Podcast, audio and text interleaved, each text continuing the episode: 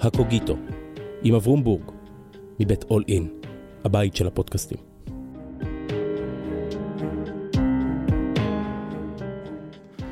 שלום, כאן אברום בורג. ברוכים השבים וברוכות הבאות לקוגיטו, אל ספריית הטקסטים של הישראלים, והיום שוב עם דוקטור עופרי אילני. שלום עופרי. שלום, בוקר טוב.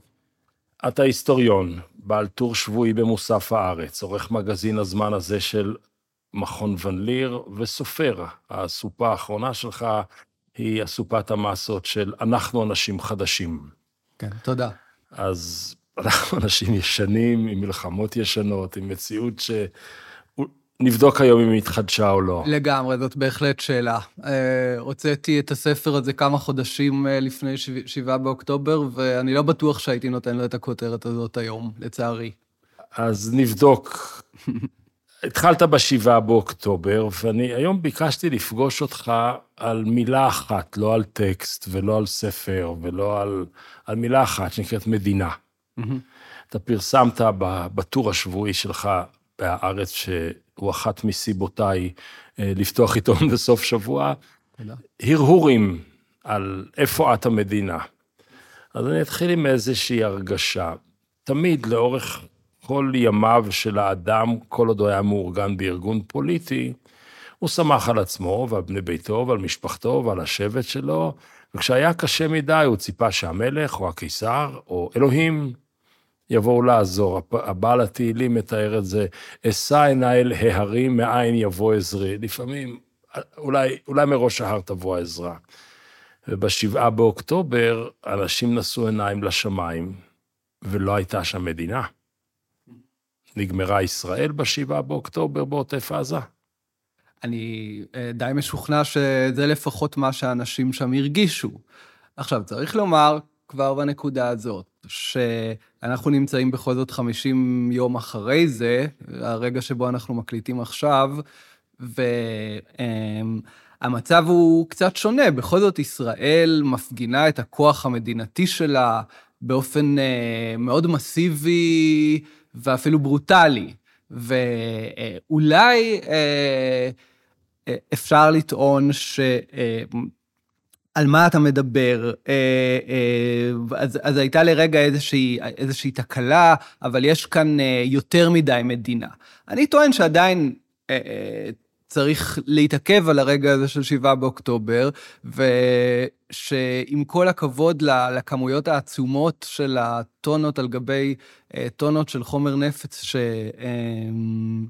שהונחתו על עזה ועל הקורבנות שלהם, גם הדבר הזה הוא איזושהי הפגנת כוח אה, אולי די פרימיטיבית אה, של מדינה מחוררת ומדינה מאוד משברית. כלומר, באותו רגע, אה, אכן באופן מהותי היה איזה, איזה, איזה ואקום, ואנשים הרגישו חסרי הגנה, ו, ו, ובאמת שאלו את השאלה הזאת, איפה המדינה? עכשיו, בשבילי זאת, אני חייב לומר שזאת מבוכה מאוד גדולה, כי אני בסך הכל מחזיק בעמדות פוליטיות לא דוגמטיות, אבל אחד הדברים שהייתי די משוכנע בהם, זה שאין משום אהבה למדינה. אה, אפילו, אפילו יותר מזה. לאו אה, דווקא למדינה הזו, לרעיון המדינה. נכון, כן. כן, גם אם אה, היית בניקרגואה, לא הייתה לך אהבה למדינה. נכון, אף פעם לא התפעלתי, בטח מדגלים, גם לא עכשיו במחאות שהיו בשנה האחרונה.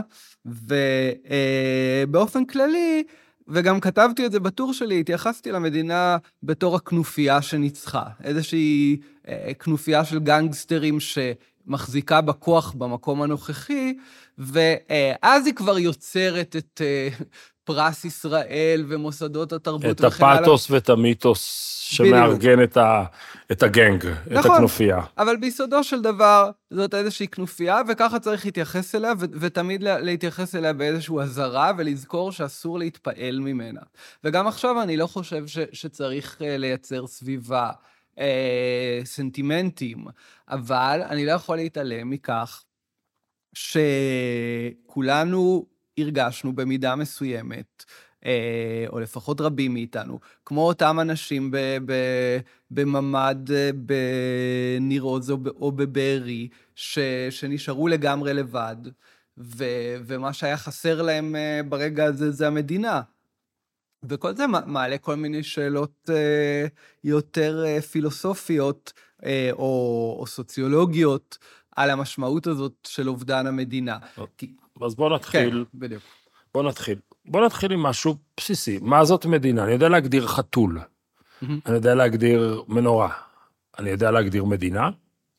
אז אה, ההגדרה באמת המקובלת אה, של אה, הסוציולוג אה, מקס ובר היא ריבונות על הפעלת האלימות.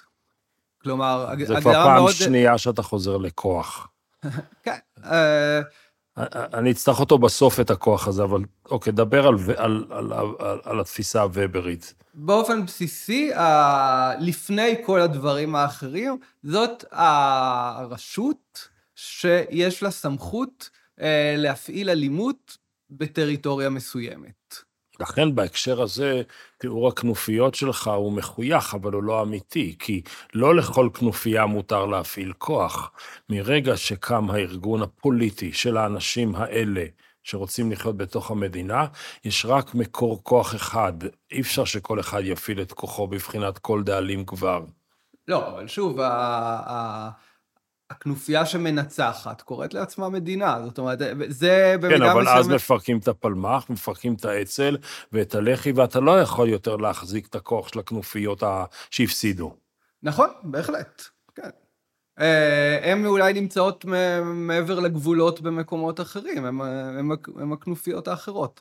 אבל, או, או לפעמים לא. אז המדינה היא ארגון פוליטי של אנשים שחיים בתחומה, אולי יש להם זיכרונות משותפים, אולי יש להם מן הסתם שפה משותפת, חוק אזרחי לא, משותף. לאו דווקא, זאת, זאת, זה כבר יותר שאלה שהאומה, כן? אה, אוקיי. כן. אני אשאר באמת כן. בארגון, mm-hmm, כן. והארגון יכול להפעיל כוח, והפעלת כוח היא יכולה להיות רכה, זאת אומרת, לשלול לך את הזכות שלך ולזרוק אותך למאסר, את הזכות שלך לחופש, mm-hmm. והיא יכולה להיות קשה, יכולה להכריז מלחמה או לירות בפושעים.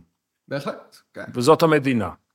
והמוסד הזה, ובר הוא כבר לא צעיר, הוא כבר, הוא, התפיסה הזאת היא בת, ההגדרה הזאת היא בת למעלה ממאה שנה, ועברה כמה וכמה טלטלות. המוסד מדינה הזו, הזה, המוסד הזה, זה מוסד זורח או שוקע?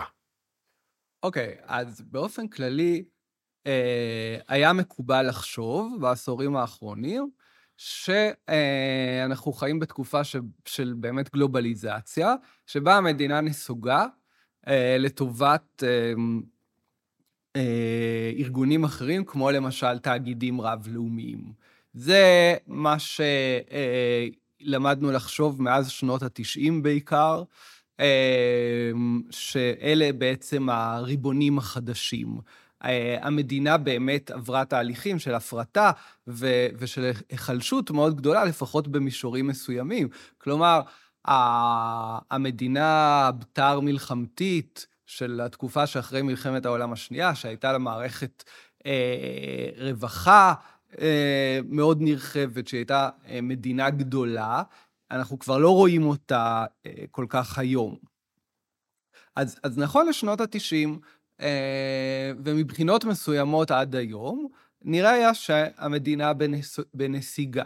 אני חושב שהביקורת מבית המדרש שאתה עכשיו מהדהד אותו, דיברה על שני סוגים של שחיקת המדינה בת ה-200 שנה בערך, mm-hmm. המדינה המודרנית. מלמעלה שתו אותה הארגונים הבינלאומיים, זה יכול להיות נאט"ו וקרן המטבע הבינלאומית וגוגל. זאת אומרת, mm-hmm. כל מיני התארגנויות שהן מעבר לגבולות, ומלמטה, כל מיני ארגונים תת-מדינתיים, זה יכול להיות הבסקים בספרד והסקוטים בבריטניה והפלסטינאים בישראל, וזה יכול להיות סתם הפרטה של שירותים לטובת עמותות וחברה אזרחית. אז מלמעלה ומלמטה נשחקה מאוד המדינה האבסולוטית כפי שהכרנו אותה.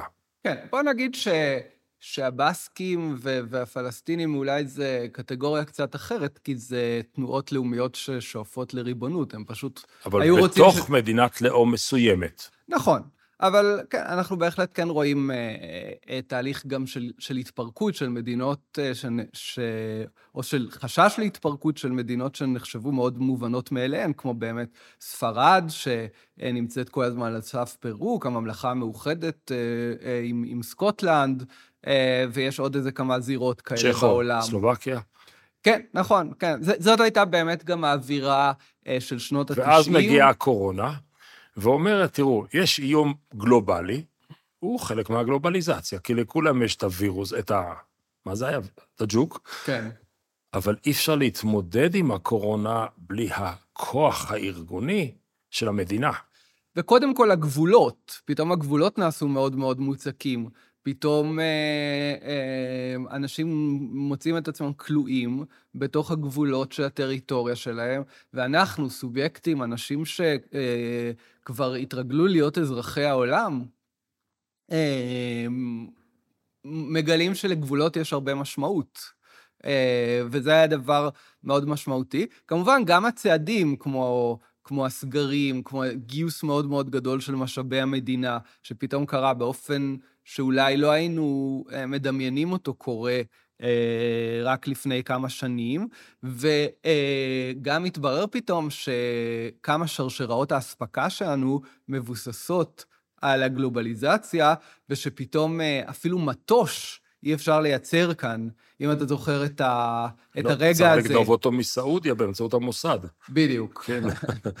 אז, אז, אז פתאום התברר כמה שרשרות האספקה הגלובליות הם, הם משפיעות על החיים שלנו, ושיש בדבר הזה הרבה מן המסוכן, במיוחד כשנוצרת גם מתיחות בין גושית חדשה. וכתוצאה מכך מתחילים לדבר על יותר אוטרקיות, או, או לפחות על איזה שהן שרשרות אספקה אזוריות. וחזרה כי... לייצור מקומי במקום נכון. בסין. כן. אבל כאן זה סוג של שפגאט מסוים. מצד אחד, המערכת הקורונאית היא מאוד גלובלית, הרפואה חייבת להיות גלובלית, כי מה זה עוזר אם ריפיתי אותך בצרפת, ומעבר לפירנאים לא עשיתי את אותם חיסונים. כן. ומצד שני, אה, יש התכנסות לתוך הכוח של המדינה, אז יש כאן מצב חדש שבו גם המדינה יותר חזקה וגם הגלובליזציה יותר חזקה. נכון, אה, כל המגפה הזאת הייתה תוצר של הגלובליזציה באופן המהיר שבו אה, היא הופצה. זה, זה ללא ספק אפקט של הגלובליזציה. אה, הרי מגפות זה דבר מאוד ותיק, אין בזה שום דבר חדש. אבל המהירות של ההפצה היא הרבה יותר גדולה בתקופה שלנו. וגם המהירות של פיתוח המגננה.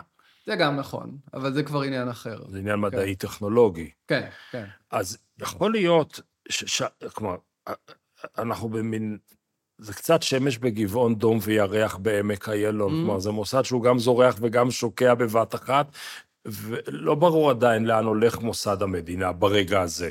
נכון, אז אני אציין עוד, עוד נקודת ציון חשובה, שזה באמת המלחמה באירופה. אוקראינה, רוסיה. כן. וראינו שגרמניה למשל גילתה שהתלות שלה בגז הרוסי, שלאורך כל התקופה של מרקל נחשבה כמו משהו שאפשר לחיות איתו, היא פתאום הפכה לבעיה מאוד גדולה, עד רמה שהייתה שם פאניקה אה, בחורף הקודם. ש... אה, פאניקה מפני זה ש... שלא יהיה איך אה, להסיק, אה, לחמם את הבתים. ו, ושוב פתאום היה צריך להתבסס, שוב על העניין הזה של להתבסס על מקורות אנרגיה מקומיים, או, או שוב של בעלות ברית שאפשר יותר לסמוך עליהן.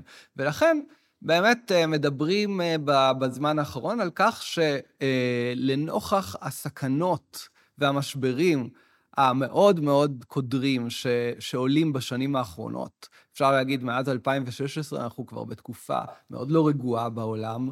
אה, מהמשבר הכלכלי של 2008, המודל של המערב הדמוקרטי, או מודל האיחוד האירופאי, או מודל ארה"ב של אמריקה, הוא כבר לא המודל האטרקטיבי ביותר.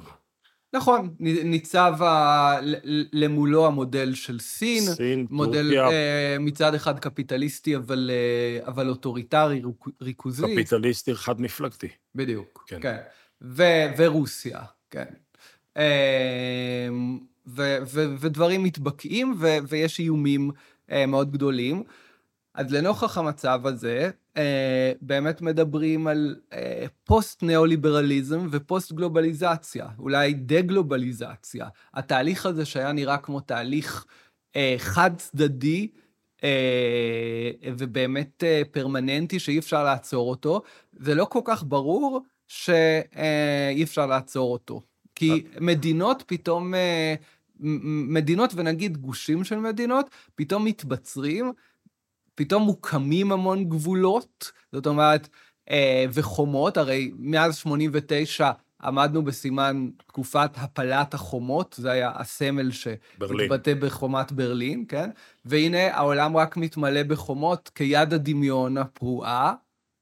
אני אומר במאמר מוסגר... הונגריה מקימה גדר בינה לבין המערב כדי שלא יהגרו דרכה. טראמפ רוצה גדר עם מקסיקו, ושמקסיקו תממן. המודל של ישראל החזיק מעמד עד השבעה באוקטובר. בדיוק. אז זאת גם הנקודה שצריך לומר במאמר מוסגר, שלא לגמרי ברור איפה אנחנו, ישראל, ניצבים כבר על ה... על ה... ספקטרום. בדיוק. כי אנחנו כבר ניסינו גם את זה, כן? זה, זה, זה במידה מסוימת הדבר ש... אנחנו ש- פוסט- אחד פוסט הדברים חומה. שנכשלו. בדיוק, כן. אז כמובן אפשר להסיק מזה שצריך חומה יותר עבה, אבל אולי נשאיר את זה עכשיו רגע, רגע. בצד, את השאלה הזאת. בוא נשאר עוד באזור המדינה. אז כן, יכול כן. להיות שמוסד המדינה משתנה, ולכן הוא אחר ממה שהכרנו, והנסיגה או השינוי קורה במושג הלאום. זאת אומרת, יש בעולם 190 וכמה מדינות לאום, אבל בתוך כל אחת מהן יש כמה וכמה לאומים. מהמם. והתהליך שאנחנו רואים לנגד העיניים הוא שכשם שהמדינה מתחזקת כנגד תהליכים גדולים, עולים רכיבי זהות יותר אגרסיביים, כנופיית זהות אחת מהמם. משתלטת, הונגריה להונגרים, white supremacy באמריקה, מדינה יהודית בישראל, אה, ואני יכול להמשיך עוד ועוד ועוד. כן. אז יכול להיות שהשינוי הוא לא בהכרח רק ברכיב מדינה, אלא גם ברכיב הלאום של מדינת הלאום. כן, וגם בעניין הזה יש באמת אה, איזשהו קיטוב מאוד גדול, כי הרי יש כאן עניין אה, בעצם בין-דורי.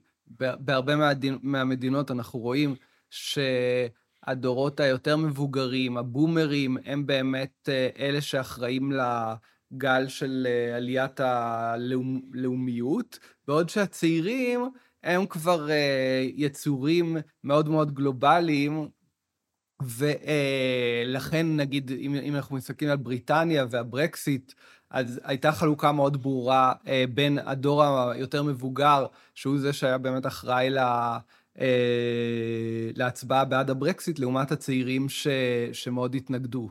אבל זה, זה, אתה קצת אה, העברת מערוך כדי לרדד את הבצק בהחלט, הזה. זה מאוד גס. כי לונדון למשל הייתה ב-60 אחוז נגד הברקזיט. והפריפריה הייתה 60 אחוז בעד הברקזיט, ו... נכון, אבל הפריפריה גם יותר מבוגרת, אני- בהכללה לפחות. ש, שאני אני מרגיש שבעולם בהרבה מאוד מקומות, ואנחנו נגיע לזה עוד רגע, אתה Mhm. הקדמת לי את המאוחר, שיש הבדל בין ערי עולם לבין אה, יישובים מקומיים. נכון. אבל בוא נשאיר את זה שנייה Mhm. קצת בתור, עוד- עוד בדרך. במערכת הישנה הייתה לי מדינת לאום, הלכתי לקלפי, הצבעתי למפלגה שלי, כמו שאתה קורא לזה לכנופיה שלי, ואתה הצבעת לכנופיה שלך. ידעתי מה המדינה יודעת עליי, ידעתי מה ראש הממשלה יעשה לי או בי, ידעתי מה חברי הכנסת מייצגים ואני יכול לצפות מהם. מבנה הכוח היה מאוד פשוט, זו הייתה פירמידה של המונים למטה, הגדרות מערכתיות, או חוקה, או, או, או, או, או בתי משפט, או משהו, או מסורת, ועד למעלה, עד ראש המערכת. אז ידעתי שבמדינה שלי איך הכוח עובד. היום אני הולך לבחירות, אני אצביע לראש הממשלה, אבל הכוח לא אצלו. לצוקרברג יש יותר כוח מאשר לנתניהו במובנים רבים. לחברת ויזה יש יותר נתונים עליי מאשר למס הכנסה שלי. ולכן, ב, ב, כאשר אנחנו שואלים, מדברים על הכרסום של המדינה או מדינת הלאום וכולי, אז אנחנו כבר נמצאים בעולם של היחיד אין השפעה על הכוח שמפעיל את חייו, שזה האלף-בית של האמנה הדמוקרטית. כן. אה, אולי הוא יכול להשפיע בצורות אחרות, כבעל מניות שמוכר וקונה בבורסה, אבל זה, זה בטח לא אזרחות. כן, זה בטח לא אזרחות. טוב, צריך לזכור שגם כמצביע בבחירות, ההשפעה שלך אולי כיחיד היא לא עד כדי כך גדולה. אבל ללא ספק, אה, חלק מהעניין הוא שאכן התאגידים האלה, כמו שאמרת, אה, צוקרברג, אה, השתלטו על הרבה כוח, ויש מי שמנסים להחזיר את הכוח במידה כזו או אחרת לידי המדינה, אבל זה ללא ספק לא המגמה היחידה, כי אנחנו גם רואים מגמה של ליברטריאניות מסוג כזה או אחר. טראמפ בעצמו, יש בו לפחות צעד כזה. שזאת חירותניות שאין שום מגבלה על מעשיי, במובן הכי מכוער או הכי קיצוני של המילה. אני חופשי לעשות הכל, כל עוד אני לא הורג את הזולת. מבחינה כלכלית, זה, זה כן. בדרך כלל העניין הליברטריאני, זאת אומרת, אה, אה, זאת בכלל לא גישה אה, של איזה א-מוסריות מוחלטת, אבל פשוט התנגדות מאוד גדולה למעורבות שהמדינה, או של איזושהי קולקטיביות, בענייני הכלכלה, כולל מערכת הבריאות והחינוך בגרסאות הקיצוניות של הליברטריאניות, כמו זו שזכתה עכשיו בבחירות אה, בארגנטינה, למשל, כן? אה, שעלה שם פופוליסט, אבל פופוליסט ליברטריאן. זאת נקודה מעניינת, כי חלק מהפופוליזם ברחבי העולם... הם לאומנים קולקטיביסטים. בדיוק, הם... שבטיים. בדיוק, והם דווקא בעד מדינה חזקה, לא רק מבחינה ביטחונית, אלא גם מבחינה אה, סוציאלית. אה, אבל יש גם את הזרם הזה של הימין הליברטריאני, שהוא גם מתחזק אה, בחלק מהמקומות. Uh, בכלל צריך לומר, כשמדברים על העניין הזה של התחזקות המדינה, שיש uh, הבדל בכל מקרה בין מדינת הרווחה, הבתר מלחמתית, שהייתה מדינה חזקה בתר סוציאלית... בתר מלחמת העולם השנייה, בוא נגיד, לא בתר מלחמת אוקטובר. בדיוק, כן. לא, אחרי מלחמת העולם השנייה, ש, כן. שדקה פרשת המים של הכלכלה החברתית של המערב. בדיוק, כן. אה, לעומת המדינה החזקה של עכשיו, שהיא יותר מדינה הובסיאנית, כן, על שם אה. תומאס הובס. הלוויתן. בדיוק, שהיא בעיקר הבריון החזק שיגן עליך מבריונים אחרים, כן? זאת אומרת, המשמעות של זה אה, ביקורת גבולות חזקה, אה, צבא יותר חזק, אה, וכן הלאה, יותר מאשר אה, שירות פסיכולוגי ושירותי בריאות, שזה כמעט בשום מקום בעולם, אי אפשר להגיד שיש מגמה שהם מתחזקים. בוא ניקח רגע את המדינה הזו, שהיא באמת פחות רגישה ליחיד, למצוקותיו, במובן של הרווחה. יש... Mm-hmm. הפרטה של שירותי מדינה אצלנו ובכל מקום אחר. זה חלק ממה שלא היה שם בעוטף עזה, שהיכולות של המדינה לתת אה, תשתיות אנושיות, עזוב את הצבאיות כרגע, לכן החברה האזרחית נכנסה פנימה. וההתחזקות של תודעת הגבולות נגד מהגרים, נגד זרים, נגד להחזיר תעשיות הביתה, mm-hmm. make America great again, לא יודע לאיזה תקופה הוא מתכוון, אבל כן. אותו נוסטלגיה מומצאת, אבל זה כבר אחר. כי, אוקיי, נגיד שהמדינה ה... ההיא, שעכשיו תיארנו אותה, מגיעה למקסימום הכוח שלה. היא לא יכולה לסגור את האינטרנט, היא לא יכולה לסגור את האפליקציות, היא לא יכולה לסגור את הזרימה החופשית של כוח אדם, ידע, תרבות וכולי, ואז יש לך מדינה סגורה בתוך מציאות גלובלית אינטרנטית פתוחה. במידה מסוימת, צריך לזכור שגם הדבר הזה כבר לא כל כך מובן מאליו. כלומר, אנחנו רואים המון צורות שבהם סוגרים ומגבילים את האינטרנט ברחבי העולם, ושוב, סין היא בעניין הזה... לא, שם מ... זה מעולם לא נפתח, זה לא שסגרו, היא לא נפתחה. נכון, אבל יש להם את אה, מה שנקרא The Great Firewall of China, כן? Okay. זאת אוקיי. אומרת, חומת האש הדיגיטלית, אה, ובעצם אה, כל האמצעים שאנחנו מכירים, כמו פייסבוק וויקיפדיה וכן הלאה, לא זמינים להם, לפחות לא באותה צורה. אמ, אז גם העניין הזה של האינטרנט החופשי כאיזה דבר שהוא מובן מאליו, אמ, כבר ראינו בשנים האחרונות שזה בהחלט לא, לא בדיוק ככה.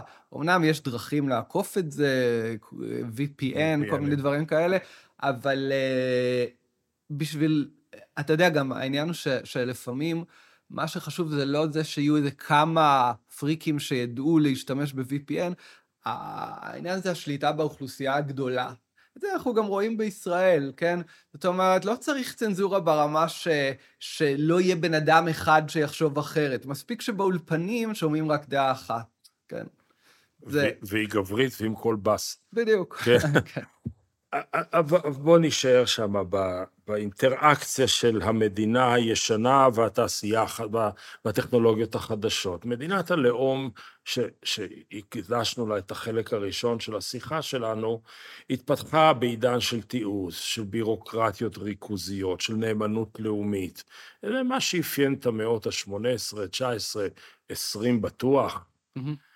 לא יודע לגבי המאה ה-21, אבל הטכנולוגיה המודרנית הולכת בכיוון ההפוך לגמרי מהריכוזיות. היא מבוזרת, היא בלתי ניתנת לשליטה.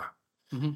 ואז אני אשאל את השאלה הבאה, האם המדינה שנסמכה על תעשייה, תעסוקה, מהפכה תעשייתית מאוד פנימית, מאוד ריכוזית, בעצם מאותגרת על ידי הכלכלה החדשה, שהיא לא יכולה, אין מדינה שיכולה אוטרקית, כפי שהגדרת קודם, לפרנס רק את עצמה.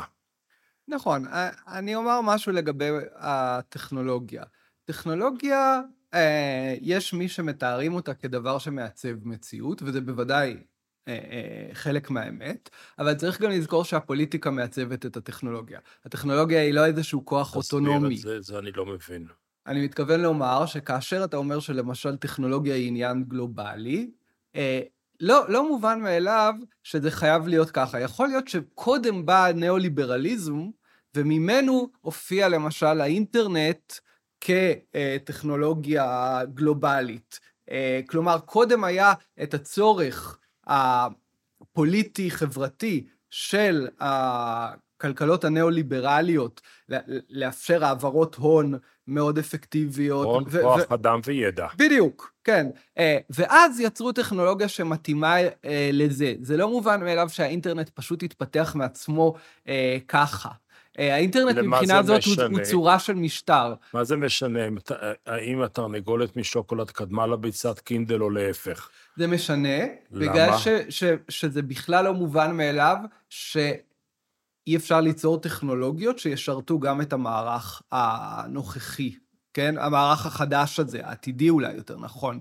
אה, כמו שהמרקסיסטים אומרים לנו, יפה מאוד אינטרנט, אבל אפשר ליצור גם אה, אינטרנט קומוניסטי, שיהיה בנוי באופן אחר, לא בידיים פרטיות. אז אותו דבר גם ההובסיאנים, או אה, חסידי המדינה החדשה, אומרים, אפשר גם להגביל את הכלכלה למטרות האלה. ואנחנו בהחלט רואים את זה, אני חושב, אה, אה, למשל בארצות הברית, בהתנגשות בין, ה, בין עמק הסיליקון לבין המחנה של טראמפ. סטיב בנון וכל מיני כאלה. אני רואה את אילון מאסק די מאפשר לו לחזור לחיים. אז שוב, יש כל מיני וריאציות, כן? יש... לא, אצל אילון מאסק זה תלוי באיזה יום תפסת אותו. בדיוק. אנחנו חיים בתקופה, אתה יודע, רציתי לקרוא לספר של זמן המפלצות. אחר כך זה המכונות הגדולות לו... של שטיגליץ. כן. משהו כזה.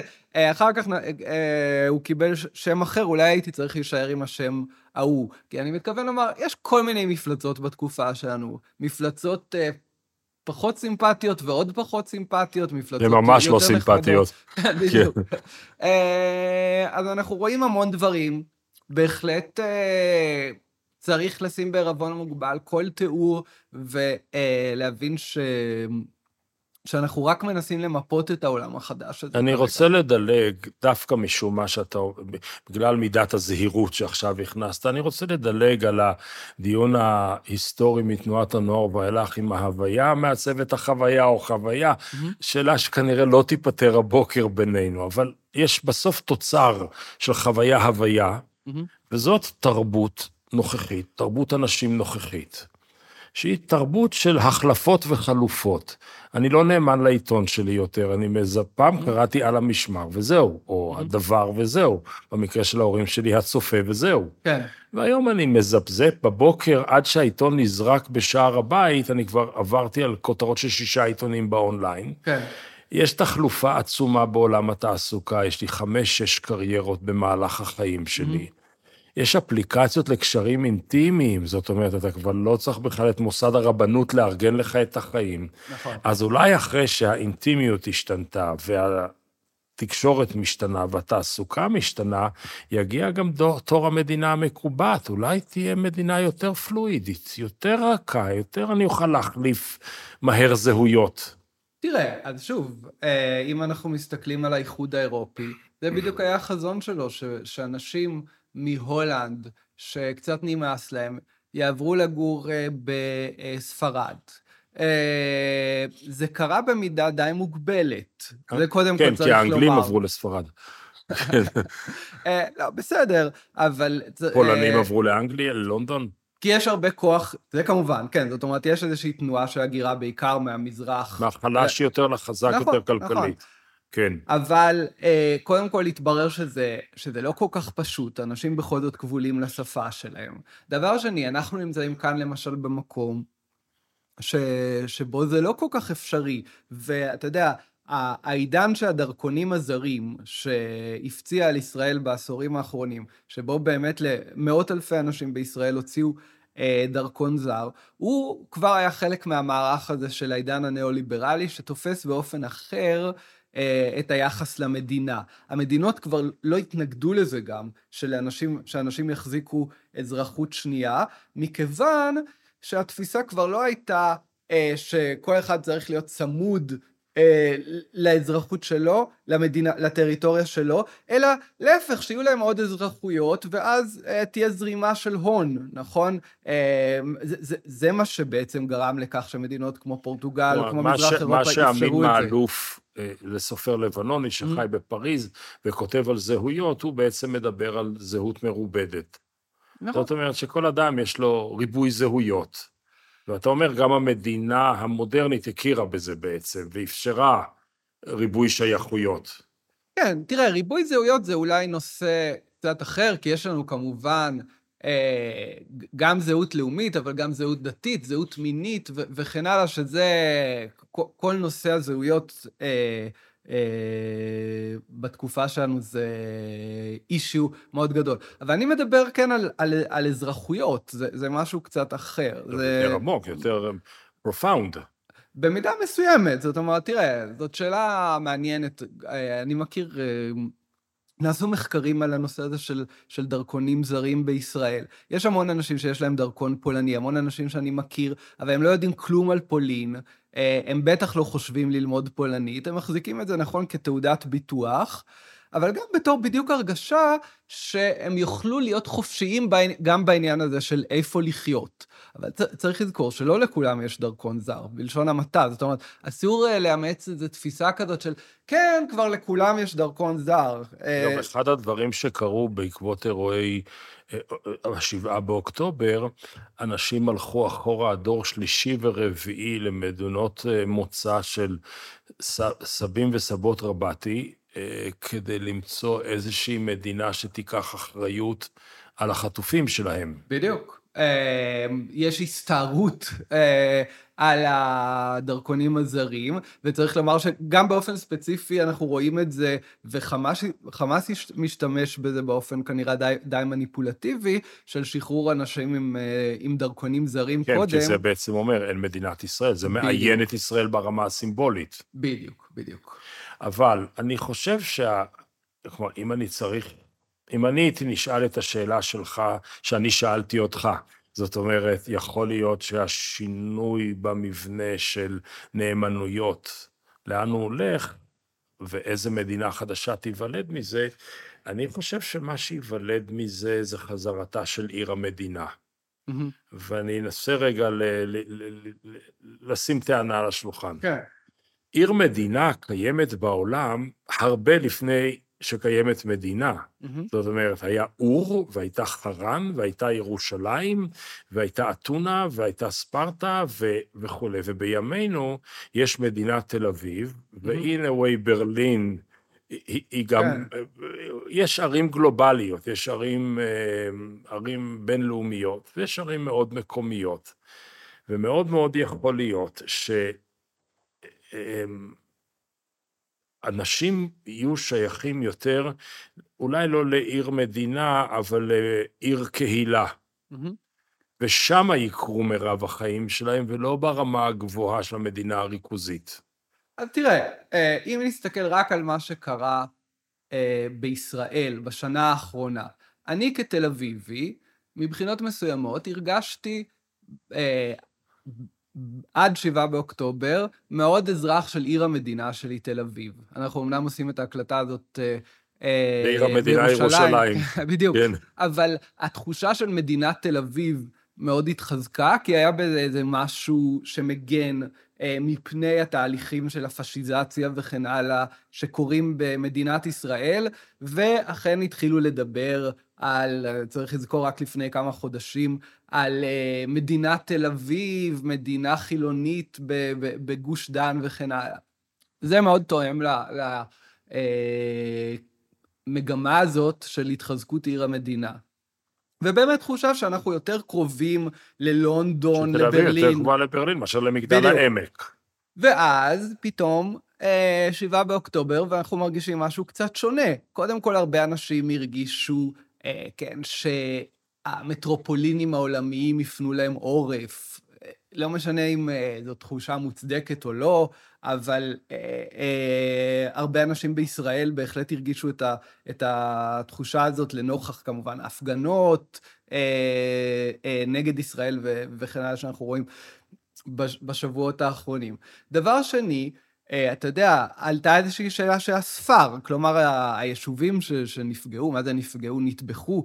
אה, באמת ב-7 באוקטובר, הם לא זכו, לא התמזל מזלם להיות בתל אביב. ואני בתור תל אביבי חייב לומר שאני רואה סביבי אנשים שאולי בגלל שהם גרים בתל אביב, אה, אולי זה קצת פחות נוגע להם. זה, זה די מעט אנשים. אה, אני חושב שרוב האנשים מאוד...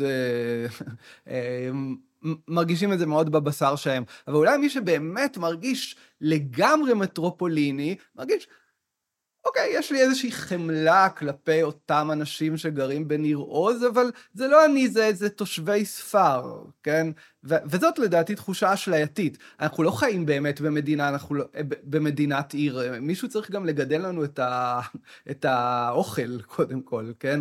זאת אומרת, אה, הנרקיסיזם הזה של העיר הגדולה, הוא, אולי זה בגלל שאני בא בעצמי מהספר, גדלתי בערבה בכלל, אה, אז אני לא יכול כל כך לקבל אותו. אתה יודע, אני מנסה, כשאמרת את הדברים, זה...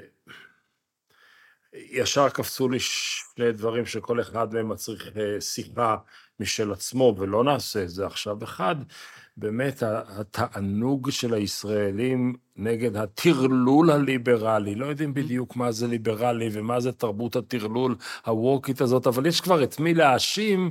יש מפלצת חדשה, כמו שקראת לה קודם, אז גמרנו, ואני חושב שהעולם, התגובות בעולם המערבי שאכפת לנו, הן מרתקות mm-hmm. לכל הכיוונים. נכון. כלומר, לתמיכות מדהימות ולהסתייגויות מביכות, וזה מאוד מעניין להבין את זה, כי ייתכן שמה שקרה באוקטובר 23 אה, בישראל, הוא מבוא לפרק חדש ביחסים הבינלאומיים בכלל.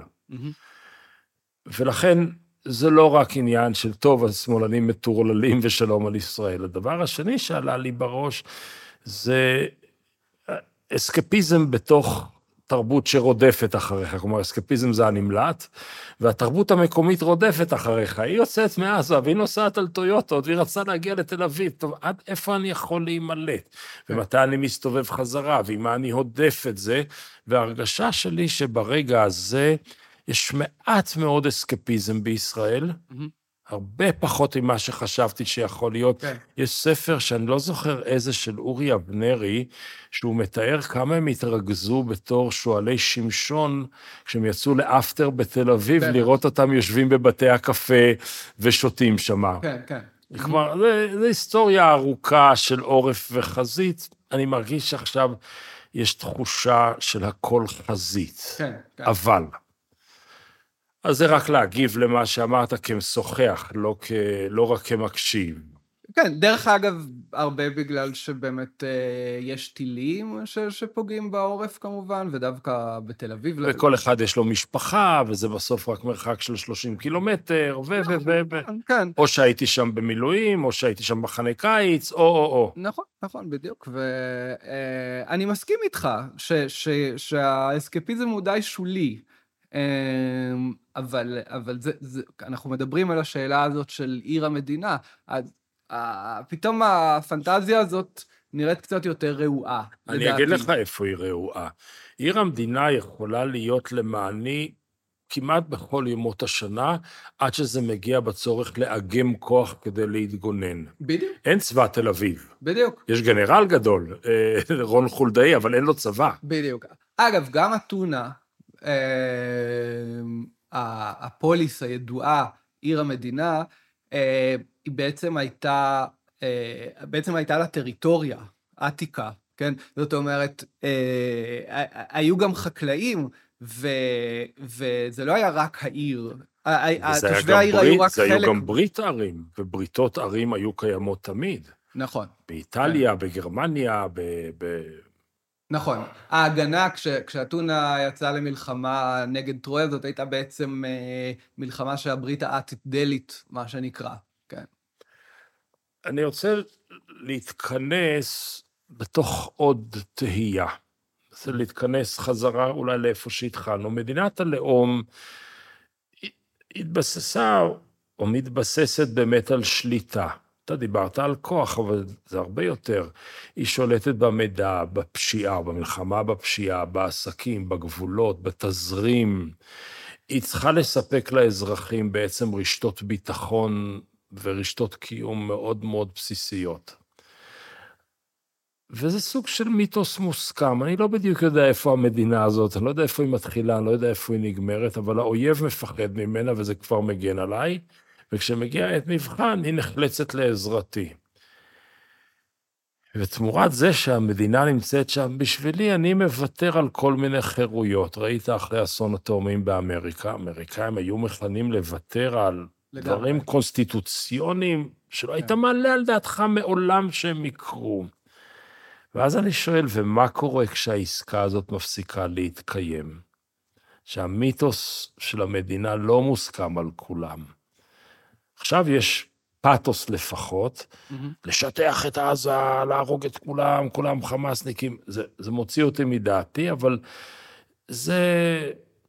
טוב, אולי, אולי זה איזאת אנרגיית נקם או אנרגיית סתימת חורים שהגדרת אותה קודם. כן. מהמם. אבל אם היא תמשיך להיות המיתוס המארגן של ישראל, לא תהיה ישראל. אין מאה אחוז מהישראלים שמוכנים לחיות חיי, חיי השמדת הזולת. אז אני שואל, ברגע שמופרת האמנה שבין המדינה ליחיד, מה קורה?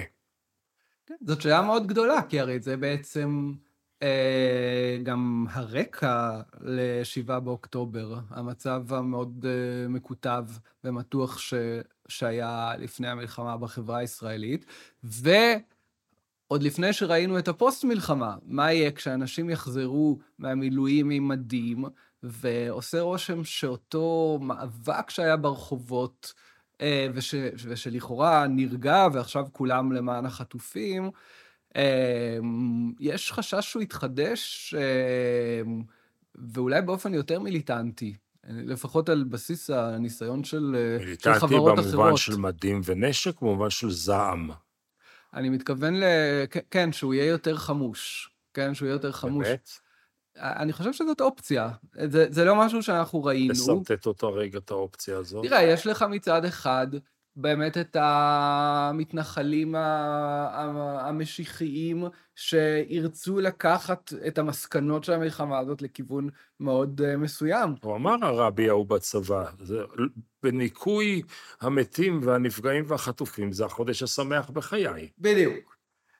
מנגד, יש מי שנושאים זעם עצום על נתניהו, למשל, ועל הממשלה, ושכשהם ילכו עכשיו לכנסת, התנועה הזאת שהייתה בסך הכל מאוד רגועה ורודפת שלום, לפחות, שוב, מאוד לא אלימה, כן? אני מדבר על התנועת המחאה של השנה האחרונה, או השנים האחרונות, עשויה לקבל אופי יותר מיליטנטי. אני ממש לא משוכנע בזה, אבל יכול להיות שכן, הזעם הוא מאוד גדול. דקה, אני רוצה לדייק את האינטואיציה הזו. יותר מיליטנטי או יותר מיליטריסטי? יותר מיליטריסטי, כן. בוא תעשה את ההבחנה הזו כן, רגע. היא, היא עשויה לקבל אופי יותר מיליטריסטי, שאנשים, שוב, ש, שחוזרים מהמילואים, זה גם דברים שנאמרו, שמכאן אנחנו נלך לכנסת. אני לא אומר שיהיה, כן, הפיכה צבאית, אבל יש כל מיני מתחים וניגודים מאוד חריפים. זה לא ברור שזה מה שיקרה. יכול להיות ש, ששוב, כמו, שמ, ש, כמו שמטפטפים לנו עכשיו, אה, לא יפרידו בינינו יותר, ודווקא באמת יצא מזה איזה קולקטיב לאומי יותר מאוחד, אבל זה בכלל לא ברור, כי אנחנו יודעים שהקיץ' הלאומי הזה, הוא, הוא מחזיק עכשיו, אבל הוא, הוא, הוא עשוי uh, לשקוע, הוא עשוי להיות לו איזשהו שפל uh, תוך uh, כמה חודשים. ואת מה שיקרה אחרי, אחרי הגאות הזאת, קשה עדיין לדמיין איזה מין נוף פוליטי יהיה כאן. מלבד היותך מתבונן, סקרן ואינטלקטואלי, זאת אומרת, אתה לפעמים מצליח להרחיק את עצמך mm-hmm. מהחוויה כדי לראות את, את השלם שלה. תהיה רגע היסטוריון ופחות מתבונן אקטואלי. מה המדינה שדיברנו בה קודם, שקרסה, שהכזיבה, יכולה לעשות כדי לשקם את האמון בה, ומה אם היא תעשה, חלילה יביא לסופה. איך נגמרות מדינות? איך משתקמות מדינות? תראה, אז אני אתחיל רגע מהאפשרות השנייה, השלילית. באמת, כניסה לאיזו סדרת משברים מאוד מאוד גדולה, כמו מדינות מסוימות אחרי מלחמת העולם הראשונה, למשל, כן? ש, שהמלחמה הייתה רק, רק ההתחלה של סדרת... גרמניה עצמה. בדיוק, כמובן, גרמניה... מאמצע המאה ה-19. אני מדבר בעיקר אחרי מלחמת העולם הראשונה, כן? כן? בהסכמים המשפילים שנכפו עליה. בדיוק, הסכמים כן. משפילים, ואז מלחמת אזרחים קטנה, ומהפכה קומוניסטית, ואז הפרייקור, המיליציות של הימין הקיצוני, ואז משבר כלכלי.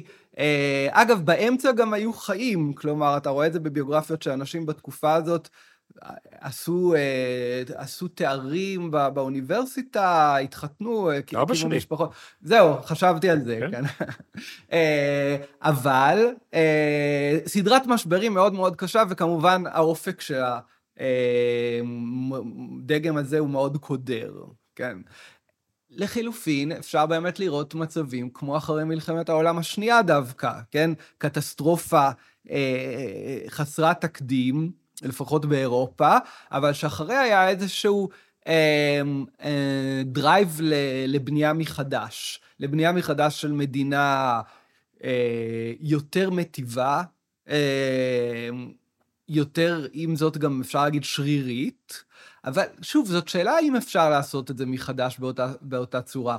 לא, לא נכנסים לאותו נהר פעמיים, ואני אה, מסכים איתך לגבי מה שאמרת קודם, בסופו של דבר, ש, שבכל זאת אנחנו חיים בעולם של טכנולוגיות אחרות, יש כוחות גלובליים חדשים לגמרי, כמו סין, ש, ש, שנמצאים שם ומגבילים את מרחב התמרון של המדינות המערביות, למשל. אז, אז אני, אני לא, אתה יודע, אני, אני לא נביא. אה, יש בהחלט מודלים של בנייה מחדש, ויש מופתים היסטוריים כאלה, אה, אבל כל דבר צריך להיות מותאם אה, לרגע הנוכחי ולתקופה שלנו, והאופן שבו זה יקרה, אין, אין לדעת. מה שברור זה שאנחנו נכנסים לתקופה של אי-ודאות אי-ודאות, נגיד, זאת מילה יפה לתאר את מה שקורה, לא רק כאן, אלא במיוחד אם בארצות הברית בסוף עוד טראמפ ינצח. אה, ומי יודע, אולי בצרפת מרין לפן, הגל הפופוליסטי לא יסתיים, ויכול להיות שהוא יחזור עם ציפורניים ושיניים יותר אכזריות. הכל נעשה כאילו יותר נואש. לכל זה מצטרף משבר אקלים מחמיר. אה, טוב, זה בצד של הנבואות הבאסה. נכון. ומה בצד של הנחמה? מה המדינה יכולה לעשות כדי לשקם עצמה? תראה, יכול להיות... איזו התחדשות נדרשת פה? אני למשל מרגיש כן. שאם היו קורות כאן שתי התחדשויות, mm-hmm. האחת, שהקול הציבורי לא היה הקול הגברי הגנרלי, mm-hmm. אלא לשמוע קולות נוספים. אני מאוד מאוד קשוב לשיחה סביב למה לא הקשיבו לתצפיתניות. כן, כן. וואי, אולי היה שם משהו אחר, אולי הבנה אחרת. ודבר אחד, והדבר השני, האם ניתן לשוב מכלכלה אכזרית מאוד שהייתה כאן לכלכלה של חמלה יותר גדולה. נכון, בהחלט, אני מסכים. Uh, אתה יודע, לא צריך לפתח נוסטלגיה יותר מדי גדולה לעידן הניאו-ליברלי ושל הגלובליזציה, ש, שרק בכינו עליו כן. עד לא מזמן, כן? אז יש, יכולים להיות גם יתרונות uh, באיזושהי חזרה לדה-גלובליזציה מסוימת, או לפחות לריסון של הניאו-ליברליזם, אבל צריך לקוות שימצא איזשהו מודל לעשות את זה באמת באופן אה, אחראי, ובוא נגיד ש, שיותר, שיותר דומה ל, לחזון של השמאל, מאשר של, אה, ש, של ימין שנסוג למדינה, כן? כלומר, ימין כש... ואפילו ימין קיצוני. כלומר, ימין שנסוג למדינה מצמצם את המרחבים הדמוקרטיים, הסובלניים, ומעצים את, ה... את העליונות של קבוצה אחת על פני קבוצה אחרת, לא חשוב איזו קבוצה כרגע, והרעיון של השמאל הוא יותר כללי, זאת אומרת, כל בני האדם שווים. לזה אתה חותר. כן, זה, זה באמת, אה, ש, שזאת תהיה מדינה יותר אינקלוסיבית. אה, שיהיה בה גם נכונות לקבל מהגרים, למשל, אה, ושלא אה, ידכאו את, ה, את הארגונים, כמו שאנחנו רואים אצל מי שמאמץ את, ה, כן. בדיוק, את, את המודל הרוסי, ההונגרי וכן הלאה, שהדבר הראשון שהשליטים האלה פונים נגדו זה הסורסים וכל הארגונים, ה-NGOs שנחשבים לאויבי האומה הכי חמורים. כלומר, בעצם התקווה הישראלית, אליבא דאופרילני, היא זו, שהרצון, מוטיבציית התיקון שהייתה כאן בכל תקופת המהפכה המשטרית, mm-hmm. יחד עם האכזבה העצומה מכשלי המדינה באוקטובר, יולידו מודל חדש שהוא מודל חדש של חברה שמתפקדת אחרת, של אמנה אחרת בין הכלל לבין הפרט, בין המדינה לבין אזרחיה, ובסופו של דבר גם מסיקה מסקנות מתהליכי ההתבדלות, ההסתגרות, ההתנשאות והאדישות כלפי כל מה שלא עלה בקנה אחד עם הנבואות הימניות שלהם. נכון. אה, אגב, מודל חדש-ישן היא... בסך הכל גם יש לנו ניסיון מסוים עם זה בשל, בישראל בעשורים הראשונים למדינה. אה, אני לא רוצה לצאת בכותרת שבסוף יצאתי פשוט מפאיניק. שהיו די ימנים, בוא רגע... כן, בהחלט מבחינות מסוימות. בפרמטרים של היום הם קיר הברזל. מבחינות מסוימות, כן, כן אבל, אבל כן, אה, אני, אני מרשה לעצמי לומר, אה, בכל זאת צורה מסוימת של ניהול כוח, שהייתה יותר אחראית. כן. גם יותר מתונה. יותר מתונה. אה, ללא ספק, לפחות כוחות מסוימים במפא"י, כן? במפא"י או, או במחנה של, אה, של תנועת העבודה. ומעולם לא דיברנו על זה, ואני חושב שתהיה לנו הסכמה שראש הממשלה, אולי הטוב ביותר, או בוודאי המרתק ביותר של ישראל, היה לוי אשכול. אה, כן, תהיה אולי... לנו הסכמה על זה? אשכול או אולי שרת, אני לא יודע. כן, אז לוי אשכול, נסיים עם זה, כן. כי יכול להיות זה הרוח שאתה שואף אליה, מייחסים ללוי אשכול את האמירה שהוא אמר, אני מתפשר ומתפשר ומתפשר ומתפשר עד שמקבלים את עמדתי. ואולי זאת סוג השיחה שישראל החדשה צריכה. יכול להיות. עופרי, המון תודות. תודה כמו תמיד. לך.